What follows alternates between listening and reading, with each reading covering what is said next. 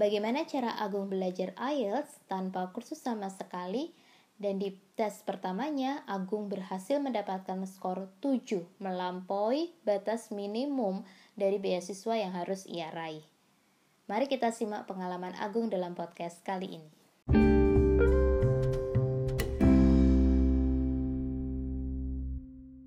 Ya tadi kan sebelum kita belajar kita kita kita harus tahu kita ada di level mana.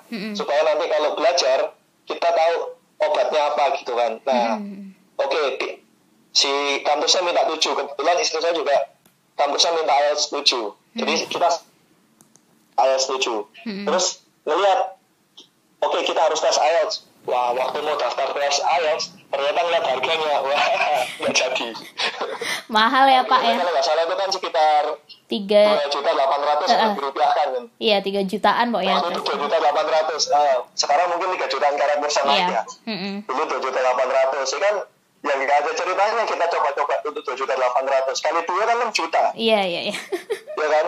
Nah akhirnya ya udah kita ambil keputusan. Kita hanya tes IELTS kalau kita sudah satu mendekati deadline nggak ada waktu lagi buat nggak tes mm-hmm. yang kedua sudah percaya diri mm, okay. sudah percaya diri bakal bisa ngejar tujuh mm-hmm. gitu kan nah ya udah kita pelajarin nah ini balik lagi yang tadi belajar bahasa Inggris hanya mm-hmm. untuk hidup mm-hmm. gitu kan untuk bisa menunjang sosial sama professional life sekarang mm-hmm. untuk ngejar sebuah skor kita mm-hmm tentang IELTS ya baca-baca lah di internet informasi banyak teman yang sudah tes dan segala macam kita tahu ternyata uh, IELTS itu nggak cuma bisa speak apa bisa basic bahasa Inggris tapi ada teknik-teknik tersendiri hmm. terutama mengenai bagaimana kita menjawab pertanyaan di IELTS jadi kita juga harus terbiasa hmm. sama soal-soalnya IELTS gitu kan nggak hmm. nggak ujung-ujung kamu jago bahasa Inggris kemudian datang ke IELTS soalnya nanti kalau tanya bingung ya jawabannya salah, nilainya kurang, duitnya hilang. Hmm. Kan nggak mau kayak gitu. Hmm. Hmm. Nah, kita pelajari dulu. Hmm. Strukturnya IELTS kayak gimana? IELTS dibagi empat. Yang pertama itu listening, kemudian hmm. uh, reading, habis itu writing, dan terakhir speaking. Gitu kan. Hmm. Kita semua tahu tentang itu. Nah, oke okay, listeningnya. Gimana caranya saya bisa dapat soal listening test IELTS? Carilah di internet. Ya nggak tahu itu bacakan atau enggak. Hmm. pokoknya ada beberapa yang di internet gitu kan. Wah ini hmm. soal tes IELTS singkatannya tahun 2010 lah tahun 2008 hmm. lah. Saya coba dengerin. Hmm. download audionya. Hmm. download soalnya dengerin. Hmm. nah waktu dia ngomong saya disuruh jawab pertanyaan kan. Pilihannya nomor satu A B C D. Nomor dua A B C D gitu kan. Waktu dia ngomong lagi-lagi. Ya lah kok saya nggak ngerti ya? Ini dia ngomong apa gitu yang dulu saya merasa saya sudah bisa nonton film bahasa Inggris, hmm. saya sudah bisa beraudiensi dengan orang asli yang berbahasa Inggris, hmm. ternyata ketika dengerin IELTS nggak ngerti saya dia ngomong apa. Padahal topiknya gampang, topiknya biasanya tentang ada orang mau pesen tiket gitu kan, terus telepon, hello, my name is ini, I want to buy a ticket for this place to this place gitu. Topiknya sederhana tapi saya nggak bisa nangkep gitu. Hmm Nah, dari situ saya nyadar, oke, okay, saya punya kekurangan di sini. Saya nggak bisa nangkep sama sekali. Saya cari-cari informasi dari teman-teman, kata teman-teman saya yang pernah tes IELTS. Karena IELTS, speakingnya IELTS, itu, sorry, listeningnya IELTS, itu lebih dekat ke British English daripada American English. Nah, di situ baru nyadar. Ya kan tadinya namanya Avatar, How I Met Your Mother. Hollywood ya. Hollywood. Semuanya itu Ing semuanya itu Amerika. Gitu kan? Di kantor ketemunya sama orang Singapura, sama orang Hong Kong, sama orang India, gak ada orang British. Gitu. Jadi ternyata saya itu lebih terekspos ke bahasa Inggris yang begitu, hmm. bukan bahasa Inggris orang British. Hmm. Nah, di situ saya mulai mencari nih, oke okay, saya harus ekspos diri saya ke film-film British. Ternyata film British itu terbatas, hmm. cuma Harry Potter gitu kan, cuma James Bond gitu kan. Ternyata nggak nggak mencukupi. Kalau Avatar kan punya empat season gitu Hmm. How Met Your Mother punya 9 atau 11 season ya. ya film Hollywood lebih banyak ya. Film Hollywood kan lebih banyak. Film Hollywood lebih banyak. Lebih banyak. Hmm. Maka kami setir, kayaknya nggak bisa film nih senjata saya. Coba nyari TEDx deh. Ya. Nyari, hmm. nyari TEDx gitu kan. Hmm. Ternyata sama. Pembicara TEDx paling banyak tuh berbaca, berbahasa English hmm. American, American hmm. English. Hmm. British dikit. Hmm. sampai saya menemukan titik yaitu oh ternyata ada sebuah perusahaan broadcasting yang menggunakan bahasa Inggris. Apa itu BBC? Oh iya benar. Jawabannya sederhana. Jelas. BBC. Jelas kan, BBC pakai bahasa Inggris. Oke, dia kan British. media British, media massa pakai bahasa Inggris. Oke, saya carilah download download eh, radionya BBC. Hmm. Mm-mm. Waktu itu waktu itu saya menemukan beberapa apps di di Android yang memang menyediakan podcast-podcastnya BBC, terutama BBC Radio. Oke, Ya, saya BBC kan, Radio. oke, saya kan udah bisa nonton film, berarti saya lumayan advance lah. Saya cuma perlu exposure buat British English gitu kan. Mm-mm. Download lah BBC Radio tentang ya gimana orang radio ngomong gitu kan. Mm-mm. Balik lagi ini orang ngomong apa gitu ya, kepetak gak ngerti gitu, padahal sama-sama bahasa Inggris. Mm-mm. Nah, googling-googling lagi ternyata menemukan BBC itu menyediakan eh, jasa layanan gratis namanya BBC Learning English. Hmm, hmm, hmm. Dia ada kasetnya kalau zaman BBC dulu. Learning English. Nah, iya ada kasetnya. Teman-teman bisa nyari kasetnya, bisa nonton di YouTube, bisa nyari apps-nya di Google Apps, banyak banget. Mm-mm. Nah, BBC Learning English ini enaknya adalah satu, karena dia memang sengaja ingin ngajarin orang bisa bahasa Inggris, Hmm. gitu. Jadi kalimatnya sederhana, Hmm. pendek dengan intonasi yang lambat, Mm-mm. Gitu. Jadi kita bisa mulai nangkap kata perkatanya, gitu kan. Nah, kemudian enaknya lagi BBC Learning English itu membagi segmennya ke beberapa segmen.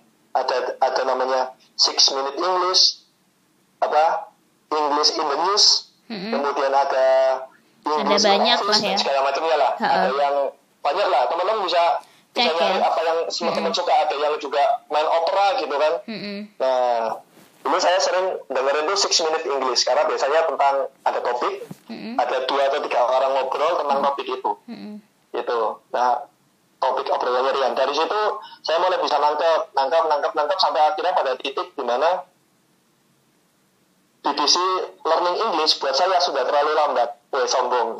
Wah, dari yang tadi, dari yang tadi yang nggak paham loh pak. Eh, terus sudah terlalu remeh ya, udah Iya, receh, receh. membosan- eh, mu- mulai membosankan kan ya. Kita perlu expand lagi tantangannya kan. Ya saya balik lagi ke tadi BBC podcast gitu BBC radio BBC news. Jadi ya kayak anchor berita biasa menyampaikan sebuah berita kita dengerin gitu. Nah di situ lagi-lagi kan saya nggak nggak nangkep dia ngomong apa tapi lama-lama nangkep nangkep lama-lama nangkep gitu. Apalagi ada beberapa apps itu yang menariknya adalah selain dia ngomongin berita dia ngasih teksnya. Hmm, hmm, hmm, gitu. Jadi kita kita Hmm. ah, tahu teksnya ini ternyata begini cara pronunciation-nya orang British. Gitu. Hmm.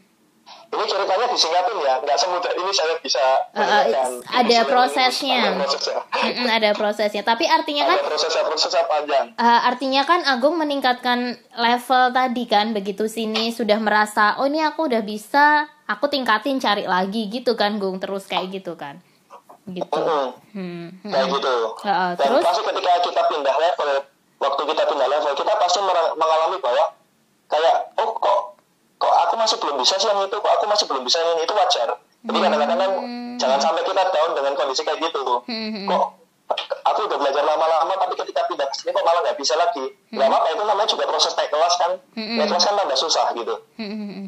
gitu. Nah. Hmm, ya ya. Terus Lalu itu aku tadi belajar. listening, listening tadi kamu Setelah- eh, sampai ke BBC Radio News. Udah berarti dari situ aja tuh Gung yang Ah. terakhir levelmu terakhir tuh itu gitu. Hmm, di level terakhirnya itu sebelum sampai akhirnya membiasakan diri mendengarkan listeningnya IELTS sendiri. Ingat kan tadi kan Oh. tipikal soal IELTS kan nggak bisa kita kaget kan. Iya. Nah dari situ saya mulai ngetes ke IELTS. Oh ternyata saya bisa mulai bisa nangkep nih dia ngomong apa, saya jawabnya apa bener, dia apa Oh. bener. Oh akhirnya ketahuan kan. Yang awalnya tadi salah banyak, akhirnya salahnya tambah dikit, tambah dikit, tambah dikit, kayak gitu. Oh, Oke, terus yang uh, reading kan tadi kalau reading baru baca Wikipedia tuh yang pertama-tama tadi.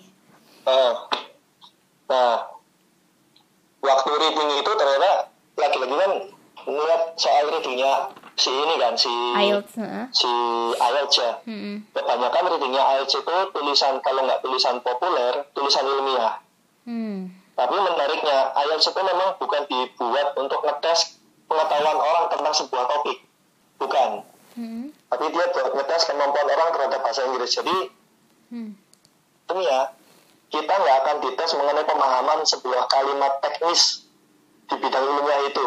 Gitu. Hmm. Misalnya dia ngomongin neuroscience gitu ya, kita nggak akan ditanya mengenai apa artinya eh, term ini di neuroscience ya. Hmm. Jadi bisa saya bilang eh, tulisan mana apa namanya tulisan reading di IELTS itu kurang lebih levelnya sama dengan di Wikipedia Hmm. Hmm. gitu. Hmm. Jadi kalau ternyata proses belajar saya di Wikipedia itu udah bisa menyamai eh, tingkat kesulitan reading di, di IELTS. IELTS. Wow, luar biasa. Baru Eh. tahu aku. Heeh. Menarik, menarik. Hmm, hmm, hmm. Terus Yang berarti perlu ditingkatkan waktu itu Hah? Yang perlu ditingkatkan adalah manajemen waktu waktu jawab IELTS. Mungkin teman-teman bisa googling sendiri gimana caranya Oh. manajemen waktu jawab Mm-mm, IELTS. mm-mm. Maksudnya kan gini kan, dulu kalau saya baca artikel Wikipedia kan nggak ada paksaan Ya. waktu. santai mbak, Hmm. Eh, nggak ada batasan waktu kan, bacanya santai, suka-suka kita gitu kan. Mm-mm. Ketika ngerjain soal IELTS kan ada batasan waktu kan. Mm-mm. Jadi kita ada strateginya, jangan sampai baca baca doang, nggak jawab-jawab, waktunya habis, Mm-mm. nilainya jelek. Nah, Hmm, itu tenang. strategi itu yang saya pakai, bukan bukan strategi membacanya, tapi sorry, bukan strategi belajar Hmm. reading in general, tapi lebih ke menangani IELTS sendiri. Oh, berarti kalau reading karena tadi kamu eh, di awal juga potensi readingmu udah yang paling oke kok ya daripada yang lain. Jadi relatif Oh. tidak terlalu sulit. Nah, kalau speaking Gong tadi kan kalau ngomong itu kan nggak cuma kan kita butuh feedback karena ngobrol kan gitu. Nah, terus gimana tuh kalau Ah, Nah, ini yang tadi nyambung kan. Kan tadi kan saya cerita tuh, kalau cara belajar ngomong saya itu dengan cara Google membaca tulisan dalam bahasa Inggris, Mm-mm. percaka- percakapannya si avatar atau Mm-mm. membaca artikel. Mm-mm. Ternyata itu nggak membantu ketika kita beneran making conversation with other people. Mm-mm. Kenapa? Karena saya nggak mikir, Mm-mm. Mm-mm. saya nggak otak otak kita itu kan tidak menyusun kalimat kan, kita hanya mencoba mempronunciationkan gitu. Mm-mm. Mm-mm. mencoba mengeluarkan kalimat itu bunyinya apa gitu kan. Tapi kan kita nggak nggak menyusun kata per kata per kata Mm-mm. digabung dengan grammar menjadi sebuah kalimat lengkap kan nggak kayak gitu. Mm-mm. Nah, sedangkan tes bahas tes speakingnya IELTS itu eh, meminta kita, memaksa kita untuk menceritakan apa yang kita ingin ceritakan Mm-mm. gitu. Jadi Mm-mm. kita bisa jadi ngerti pertanyaannya, kita sudah tahu ide mau cerita apa tapi nggak keluar. Nah, gimana saya belajar tentang itu? Ini saya idenya nggak tahu ini ide paling efektif atau enggak, tapi cara saya tuh gini. Saya baca sebuah alinea dalam sebuah artikel, Mm-mm. kemudian artikelnya Mm-mm. Artikel itu. Sorry sorry, tadi ada putus gimana Jadi membaca? gitu. Mem- gimana? Caranya- Ulangi gue, ulangi tadi ada yang putus membaca alinea, eh membaca gimana? Oh. Jadi kalau sebelumnya saya kan membaca keras, sekarang untuk melatih conversation saya, saya caranya gini. Saya baca Mm-mm. dalam hati sebuah artikel gitu kan, Mm-mm. eh, dua paragraf gitu misalnya saya baca dua paragraf, Mm-mm. kemudian setelah saya baca dua paragraf, saya tutup, saya mencoba menceritakan ulang sendiri, jadi kayak mono- monolog gitu loh. Ngomong Oh sendiri, iya, tapi dalam bahasa Inggris, tapi nggak nggak lihat artikelnya lagi. Iya. paham. Iya menceritakan ulang ya. Suruh baca, coba ceritain. Mm-mm. Iya, menceritakan ulang artikelnya. Mm-mm. Nah, pasti susah tuh. Pertama kali nggak ngerti. Saya saya pendekin. Oke, dua paragraf terlalu pede. Turunin satu paragraf, gitu kan. Sampai akhirnya saya turunin ke dua kalimat. Mm. Jadi ternyata waktu itu pertama kali saya yang bisa menceritakan ulang dua kalimat. Nah terus feedbacknya gue ceritain ulang. feedback untuk ada ngobrol gak ada feedback berarti. Nggak ada feedback. Ah. Ya, kan feedback pasti hanya bisa dikasih dari orang kan. Iya. Ini kan nggak ada orang ya kan. Ah. Nggak ada feedback. Lah kok heeh, ngobrol? saya saya ngukurnya gini ngukurnya adalah eh, ketika saya ngomong saya rekam Hmm. mm, mm, nah jadi feedbacknya dari saya sendiri lagi-lagi kan karena nggak ada pasangan kan Mm, mm, dan di sini juga nggak ada robot yang bisa ngajakin saya mikir kayak Google Translate tadi mm, mm. Jadi feedbacknya dari saya sendiri. Mm-mm. Setiap kali saya ngomong, saya rekam, saya dengerin sambil saya baca lagi artikel aslinya. Mm. Jauh nggak maknanya? Gitu. Nanti lama-lama maknanya makin mepet maknanya. Oh. Nah, ketika maknanya sudah mepet, pilihan katanya biasanya saya akan memilih kalimat yang lebih sederhana daripada pilihan kata yang ada di eh, di mana di artikel. Ya kan, karena kan kemampuan vocab kita mungkin sederhana. Misalnya kan vocabnya ngomong tentang eh, kalimat yang lebih ini, diverse options gitu kan. Mm-mm. Kalimat aslinya ngomongin diverse options, mungkin saya akan keluarnya many options. Mm-mm. Gitu, karena diverse lebih advance daripada many. Karena kita sering pakai kata many gitu kan. Nah, kayak gitu tuh. Mm-mm. Hmm, Gitu. Nah, oke. itu- Berarti nggak ngobrol, kamu berarti nggak latihan ngobrol sama orang ya?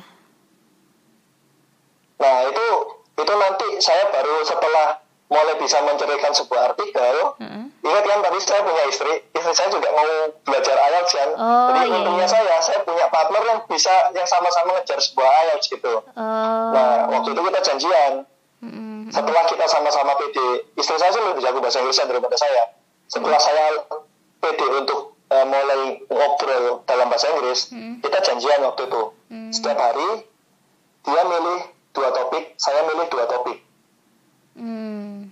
Nanti kita akan tukar topik, terus kita ngobrol satu sama lain, ngomongin tentang topik itu in English. Gitu. Oke. Nah, itu Oh, itu yang mencoba men-trigger kita tentang topik-topik topik-topik obrolan yang awalnya kita nggak ngerti topiknya apa jadi kita nggak bisa prepare kan soalnya kan dia pegang dua topik tuh dan saya nggak tahu topiknya apa Mm-mm. jadi saya terpaksa harus ngerti topik itu bisa menceritakan pendapat saya tentang topik itu Hmm, oke. Gitu. Berarti tetap pada akhirnya kalau udah momen eh, udah yang di paling ujung tetap harus nemu partner ya sebaiknya gitu maksudnya. Karena kan tetap ngobrol gitu. kan. sebaiknya no, Mm-mm. iya sebaiknya sih nemu partner tapi kalau nggak nemu partner pun kalau menurut saya kalau terpaksa nggak nemu partner Hmm. kita bisa pindah ke arah pragmatis saja kan tujuannya tadi ngejar ayat aja Mm-mm. pragmatisnya tuh gini kita bisa ngelihat susunan speaking di IELTS itu kayak gimana sih biasanya itu menit-menit pertama kita disuruh kenalan. Mm-mm. kita siapa? Mm-mm. gitu kan. Yang yang kedua habis itu dia akan nanya ke pertanyaan-pertanyaan pendek untuk membuat kita kayak semacam pemanasan lah. Mm-mm. cerita gitu kan. Nah yang ketiga kita biasanya disuruh ditanya mengenai pendapat. Mm-mm. pendapat. Jadi dikasih sebuah kali sebuah kalimat. Kemudian kalimat itu kita disuruh kan coba ceritakan mengenai poin A B C dan E. Mm-mm. gitu tutup kemudian kita disuruh monolog selama 7 menit kalau nggak salah Mm-mm. nah nah itu karena ini kan modelnya monolog kita bisa nyari contoh-contoh IELTS yang ada di internet kemudian kita mencoba monolog sendiri Gitu. Oh iya ya, jadi pragmatisnya gitu ya langsung ini aja. Eh, IELTS mintanya apa, kita ngikutin cara itu kan gitu. Iya, kita kita coba jawab dengan itu. Gitu. Oh, Dan oke. ini saya menemukan eh, fakta yang unik Hah? di IELTS itu ternyata soal IELTS itu diulang-ulang. Oh ya? Maksudnya Soal diulang-ulang IELTS itu diulang. topiknya? Diulang-ulang tuh gini, ya kan IELTS eh, baik itu topiknya maupun pertanyaannya itu diulang, diputar-putar aja gitu. Hmm. Tapi pastinya dia punya bank soal yang besar ya, pastinya dia Hmm, punya hmm. bank soal yang besar. Jadi apa yang bisa kita ambil dari pelajaran diulang-ulang ini? Hmm. Kita lihat aja di internet. Eh, ini adalah soal IELTS tahun sekian. Pelajari aja itu, kalian aja itu keluar. Oh, Karena pada iya. kasus saya, waktu tes saya yang kedua, itu saya menemukan kayak gitu. Ternyata tes speaking yang diteskan ke saya, salah satu pertanyaan utamanya itu ada yang pernah saya baca di YouTube. Su- Sudah ada yang pernah saya lihat di YouTube. Oh. Jadi memudahkan saya untuk bercerita waktu itu. Oh, iya. Gitu. Akhirnya ya ini ya, banyak latihan banyak latihan terus ini nemu juga ya. Iya kan dengan kamu banyak latihan, Iya, banyak jadi- browsing gitu kan akhirnya ketemu juga. Iya. Polanya itu ketemu gitu. Jadi sih, eh, jadi sebenarnya sih kalau ditanya gimana caranya buat orang yang punya kemampuan belajar bahasa yang nggak gitu jago kayak saya, kan nggak saya nggak cepat belajar bahasa tuh. Mm-mm. Jawabannya cuma satu, belajarnya yang panjang, udah nggak ada yang lain. Oh iya. Belajarnya yang lama, gitu. Belajar kalau ada yang pintar ya belajarnya cepat. Belajar. Kan gitu kan. Kalau Ah, ah, kalau kita ah. mau lari jauh, pilihannya pilihannya dua lari yang lama atau lari yang cepat gitu ya masalahnya saya nggak bisa lari cepat saya bisanya lari lama ya udah lari lama ntar ujung-ujungnya sama-sama jauh kan gitu Iya. Ah, ah. Nah, tadi Gitu. kalau itu ya, Gung, apa eh, speaking kalau writing, Gung. Tadi kan speaking udah ini. Terakhir writing tuh di Hmm. IELTS. Tadi kan kamu baru cuma ngirim email, translate gitu. Hmm. Nah, writing di IELTS itu eh, walaupun kita mungkin bisa menuliskan sebuah pesan dalam email gitu kan, Mm-mm. nulis di IELTS itu mungkin lebih spesifik ke gimana sih IELTS mintanya Mm-mm. gitu. Nah, ternyata nulis di IELTS itu kan yang buat saya sebagai orang Indonesia yang dibesarkan di sekolah dasar negeri, SMP negeri, SMA negeri, Mm-mm. itu nggak terbiasa menyampaikan pendapat dalam sebuah kalimat.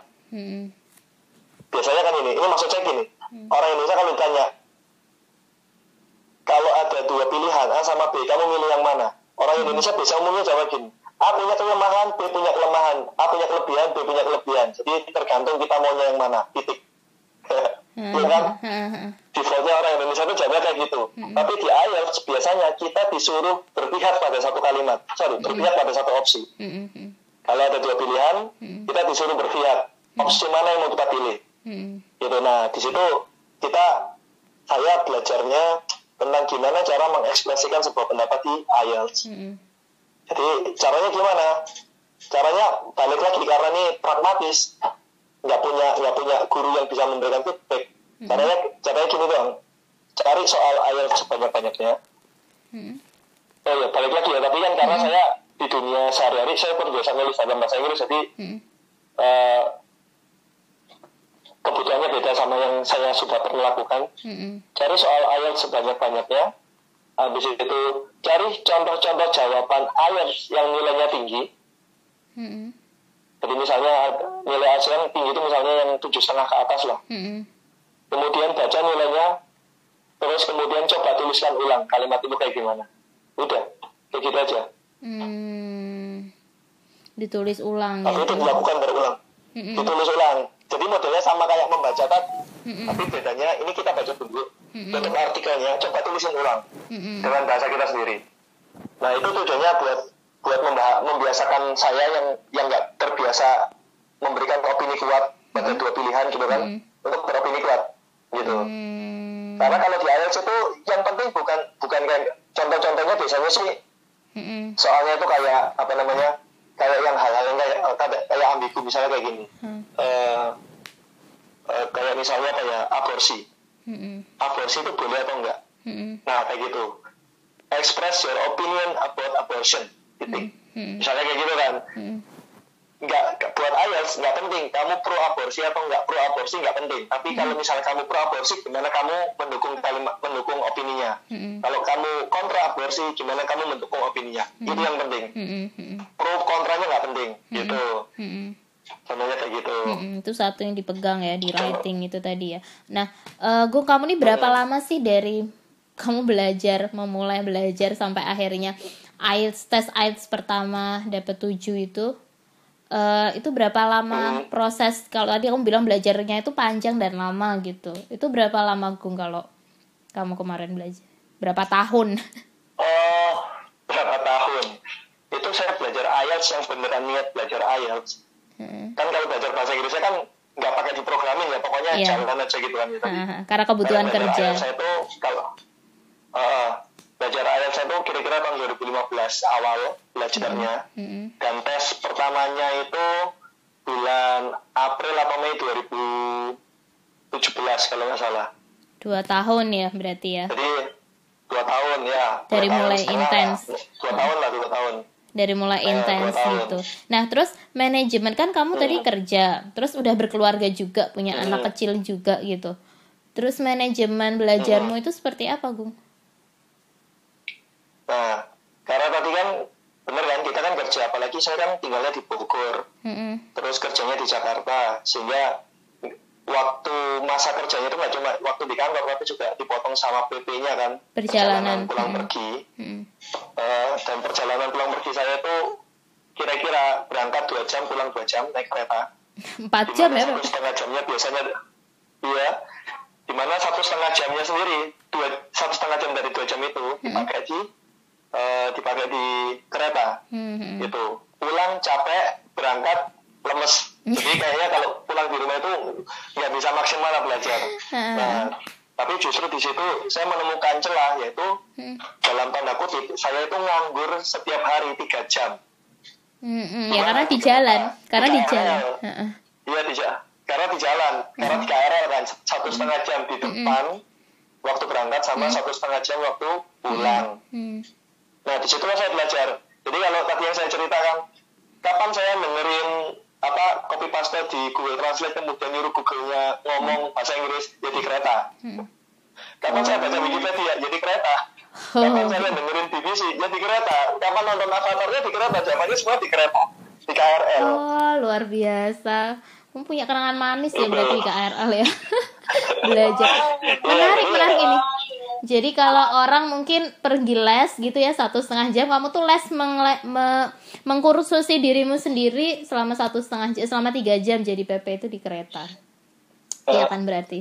Ya, Jadi menarik. bener-bener satu setengah jam full ya. Tapi kan kadang-kadang itu cheating-cheating juga kan. Heeh. Dan misalnya belajar nih writing gitu kan, oke saya baca artikel di kereta gitu kan, kemudian ngetik writing, jadi bosen nonton film gitu.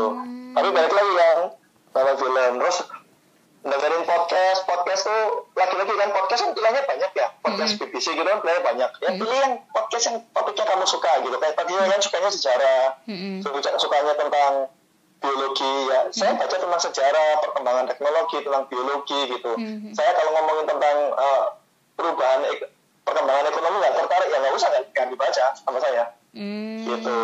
iya, iya. iya Dan tuj- itu Dan tujuannya kan tadi bahasa Inggris, bisa berbahasa Inggrisnya kan gitu. Jadi eh, iya top- tuh topik nggak harus kamu terus tahu banget apa kamu ahli di bidang itu, tapi yang kamu bikin kamu enjoy belajar aja gitu kan. Mm-mm. Ini Kia ya, ada suaranya Kia.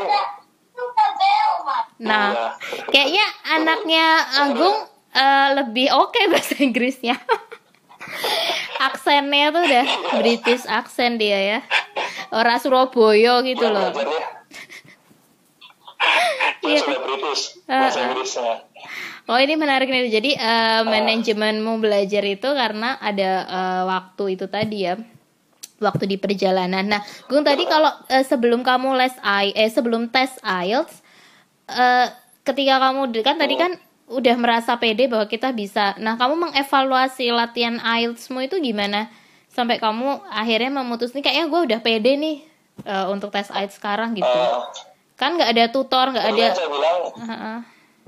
Iya, tadi kan saya bilang kalau uh, kita hanya akan tes IELTS karena tes IELTS mahal, kita hanya akan tes IELTS kalau memenuhi salah satu dari dua kriteria. Mm-mm. Kriteria yang pertama kalau PD, kedua kriteria kedua kalau waktunya udah mepet. Mm-mm. Nah, waktu itu kita masih belum PD, tapi waktunya udah mepet. Oh, gitu. sama pendaftaran LPDP, iya. Oh. LPDP minta waktu. Jadi kalau ditanya gimana waktu itu PD, enggak. Cuma LPDP waktu itu kan daftar batas pendaftarnya itu kalau nggak salah 1 Juli 2017. Mm-mm. IELTS itu proses penilaiannya itu satu bulan. Mm-mm. Jadi itu kenapa kita ngambil tes bulan April Mm-mm. supaya nanti Mei keluar gitu kan. Jaga-jaga kalau misalnya bulan Mei nggak mencukupi kebutuhannya si Mm-mm. siapa si LPDP kita masih punya waktu buat ngetes lagi. Ujungnya gitu. Ya, Oh. alhamdulillah waktu itu nilainya Iya, iya, tujuh. cukup buat daftar LPDP. Iya kamu nggak pede tapi IELTS-nya 7 se itu nggak masuk dalam nggak masuk akal. Tapi nilai A7 itu tadi itu belum memenuhi kebutuhannya Kampus. universitas loh. Itu hanya memenuhi kebutuhannya LPDP karena LPDP nilainya waktu itu enam setengah. Mm-mm, mm-mm. Masih harus masih harus belajar buat kampus. Iya, karena waktu itu kan karena nggak ada gurunya ya. Mm-mm. Writing kami berdua itu di bawah enam setengah. Mm. Kan kampus mintanya minimal masing-masing poin enam setengah, Hmm. total tujuh. Hmm. Kami totalnya udah tujuh, tapi writingnya kami itu di bawah enam setengah semua. Karena kan nggak ada lawannya nih, nggak ada gurunya. Heeh. Gitu. Terus terus akhirnya eh, buat bisa dapat tujuh setengah yang tes keduanya gimana? Eh, bisa dapat tujuh setengah. heeh. Eh, metodenya yang tadi yang saya ceritakan terakhir, pertama kan kita mencoba menulis sendiri, Heeh. baca soal IELTS, Mm-mm. nulis sendiri, Hmm. gitu kan. Nah, benar sih kita bisa mengekspresikan opini kita tapi kan kita nggak tahu seberapa bagus kita ekspresikan opini kita kan hmm, nah di tes kedua karena tetap nggak punya guru satu-satunya cara apa? Ya nyontek yang tadi saya cerita itu. Hmm, cari contoh-contoh soal hmm, yang katanya nilainya bagus Hmm. yang jawaban yang katanya bagus delapan setengah. Ya dibaca lagi contek baca lagi contek baca lagi contek. Lama-lama itu feelingnya dapat. Oh, Gitu. oke. Jadi Walaupun- kamu me- memperbanyak latihan terus aja gitu ya, memperbanyak imitasi Eh, dengan mencontek itu. iya mem- Heeh. dengan mencontoh itu kalau tanya benar benar nggak sih akan sesuai dengan delapan setengah sesuai dengan apa yang dicontoh-contoh tadi enggak Hmm. kami berdua masing-masing nilai nilai writingnya enam setengah Hmm. pas cukup Mm-mm. cukup untuk masuk ke universitasnya aja udah Hmm, hmm, hmm, hmm. nah nilai tujuh disupport dari yang lain karena kita kebetulan kan reading sama listeningnya tadi kan bagus ya. Heeh, heeh. soalnya sudah terekspos banyak. Jadi kita nyari subsidi dari reading sama listening untuk speaking sama writing gitu. Strateginya kan Oh, oke. Jadi memperkuat tadi itu ya, kita menemukan kekuatan kita di mana terus kita perkuat di situ gitu kan. Di situ. Eh, buat subsidi soalnya kan kita Buat subsidi. nih kayaknya speaking Betul. saya nggak akan tujuh setengah juga kan Oke. tapi yang penting cukup lah enam setengah gitu Ha-ha. nyari nilai subsidi dari yang kita rasanya agak jago di situ Heeh. Gitu. Nah, Gung ada ini nggak sih eh, buku atau website kecuali yang sudah disebutkan tadi ya, kalau kayak BBC, radio dan lain-lain gitu, aplikasi yang direkomendasikan buat belajar latihan khusus IELTS. I'm gonna do it by myself. Kita dengerin dulu Kia bicara. Halo Kia, tapi jangan ngomong sama Tante Zaki pakai bahasa Inggris, nanti dijawabnya pakai Japanese English. Gak bisa. Dia lancar banget ya kayak bule. Gimana Gung? Ada nggak ap- Iya, uh, dia expose. aplikasi apa yang kamu ingat selain yang tadi kamu sebutin ada BBC Radio, ada BBC Eh, Learning English. Yang banyak membantu itu ini buku Cambridge IELTS IELTS Cambridge kalau Oh, bahasa Inggris kalau. IELTS ya Oke, iya. heeh. Eh, kalau kalau buat IELTS tapi kalau buat English English in general saya nggak pakai buku sama sekali Mm, mm, mm, mm. Pakai Tapi metode yang pakai- tadi. tapi itu media. Eh, tapi kan kebetulan kan kita sekarang sudah hampir semuanya ter- terbiasa untuk mendapatkan konten di internet yang mana internetnya mayoritas berbahasa Inggris kan Mm-mm. YouTube dan segala macam saya rasa sekarang sih Lebih mudah eh, ya. jumlah alat belajarnya lebih mudah. Dulu kan ya ada ceritanya smartphone yang punya aplikasi BBC kayak gitu. Dulu saya belajar BBC pertama kali dari mana? Download. Gak ada aplikasinya kan? Saat itu. Mm-mm. Iya, Eh, iya. eh, Oke. Avatar, Avatar ya download. Gitu. Iya, sekarang ada Netflix ya. Sekarang ada Netflix, Iya. ada YouTube juga banyak kan YouTube YouTube orang-orang nge-vlog gitu kan. Mm, mm, mm, benar-benar juga. Yang ya. review-review unboxing ya, yang sebenarnya lah review-review unboxing gitu. Yang yang banyak ngomong ya cari orang yang banyak ngomong ya atau kalau ingin yang nyari yang rada-rada bermanfaat kayak misalnya TEDx gitu yang rada-rada inspirasional gitu. Topiknya bebas lah. Topiknya bebas pokoknya berbahasa Inggris gitu. Yang banyak ngomongnya yang bukan banyak video sama gambarnya. Oh, oke. Yang penting itu ini mungkin ya eh, memaparkan diri sebanyak-banyaknya. Karena kayak katanya salah satu Oh. narasumber Mini Academy Mas Made Andi Arsana tuh sering bilang bahasa itu kan bukan soal kamu pintar kamu bodoh. Karena dari bayi kamu bisa berbahasa Indonesia kan bukan terus diajarin. Bahasa Indonesianya ini adalah gitu kan nggak. Tapi terpapar gitu. Bahasa itu soal keterpaparan gitu. Dan kayaknya itu yang, yang dilakukan Agung selama bertahun-tahun tadi itu adalah memaparkan diri terus menerus gitu dengan bahasa Inggris baik untuk profesional maupun IELTS kira-kira kan gitu ya Gung ya? Nah Gung terakhir nih Gung. Iya. Eh, yang jadi pertanyaan banyak orang nih gimana konsisten jaga semangat belajarnya? Karena eh, ada yang ngomong nih ada yang curhat itu lelah banget rasanya kalau belajar bahasa Inggris khususnya IELTS gitu. Gimana konsisten itu Gung? Eh, rumusnya mungkin rumus-rumus klasik yang dipakai ya. Yang saya sendiri pun kalau walaupun tahu belum tentu bisa ngerjain tiap hari. Yang pertama tadi itu kan eh, karena ini proses yang panjang saya melihatnya sebagai proses yang panjang bukan short term gitu. Hmm. saya cari proses yang menyenangkan.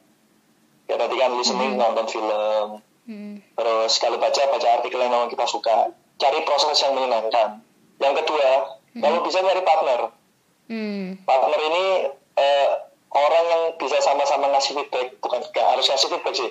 Orang yang bisa sama-sama kita lihat progresnya. Supaya nanti kita lebih bersemangat untuk sama-sama bareng atau kejar-kejaran. Kebetulan saya sama istri saya. Saya kan berdua. Mm-mm. kita sama-sama berusaha supaya IELTS-nya sama-sama tembus, beasiswanya sama-sama tembus, kampusnya sama-sama dapat LOA gitu. Mm-mm. Jadi ada perasaan terpacu, saya juga harus bisa gitu. Jangan sampai saya menjadi pengganjal buat istri saya atau istri saya jadi pengganjal buat saya. Jadi sama-sama berusaha Hmm. gitu. Hmm, oke. Gitu. Jadi memang memang harus ditemukan niatnya, niatnya mau ngapain, targetnya sampai apa. Terus yang kedua cari proses yang menyenangkan. Mm-mm. Ini tadi ya benar-benar ke highlight ya cari proses yang eh, menyenangkan jadi nggak bikin lelah gitu. Kalau cari partner eh, ya itu tadi kalau Agung sama Ami ini ya saudara-saudara ya memang partner itu kan bisa eh, teman dan sebagainya gitu ya. Cari teman yang memang Eh, dulu teman sama-sama. kayak misalnya kayak kayak, kayak sekarang kan beasiswa tuh eh, katanya agak cukup banyak ya Australia juga punya beasiswa AS Inggris punya Chevening Indonesia punya LPDP Hmm. eh, Amerika punya Fulbright semuanya berbahasa Inggris semuanya punya requirement yang kurang lebih sama gitu kan kita bisa janjian sama teman-teman ayo kita kuliah sama-sama misalnya kayak gitu kuliah sama-sama ngejar sama-sama ngasih feedback sama-sama ntar sama-sama insya Allah sih punya semangat ke sana gitu Betul, betul, betul. Luar Gitu. biasa. Ini jadi punya ide buat mini akademi. Sebenarnya kalau teman-teman nanti ikut kelas-kelasnya mini akademi yang beasiswa gitu, siapa tahu menemukan member-member lain yang juga eh, punya cita-cita yang sama gitu. Iya, nanti kita jadikan biro inilah biro untuk partner belajar bahasa Inggris bukan biro jodoh biro partner belajar Inggris. Gong ini keren banget. Em, mungkin ke depan kita bisa tanya-tanya Agung lebih jauh ya tentang kuliahnya, tentang gimana eh, milih jurusan dan sebagainya, tentang perjuangan beasiswanya Agung sama Ami yang sempat gagal, kemudian eh, bisa lolos lagi di ta- di percobaan berikutnya gitu. Ada banyak cerita selain cerita soal bahasa Inggris, tapi ini keren banget, Gong. Terima kasih banget udah sharing eh, tentang belajar bahasa Inggris otodidak ini. Kalau kita boleh simpulkan tadi yang pertama itu temukan potong-potong masalah, masalah kita itu yang mana yang paling kuat sama yang paling lemah.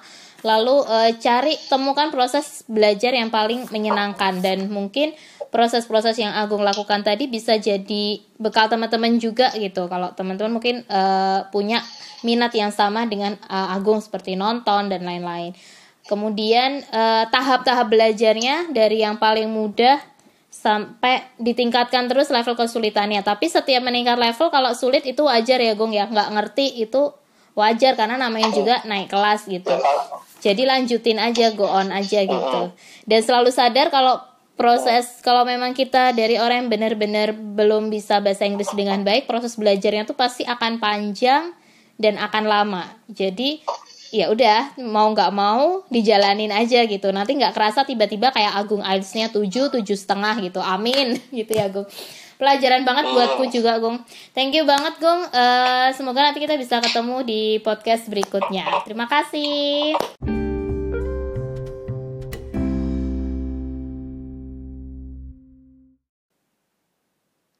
Demikian seri podcast kali ini. Jangan lupa follow Instagram kami @miniacademy dan kunjungi website miniacademy.id.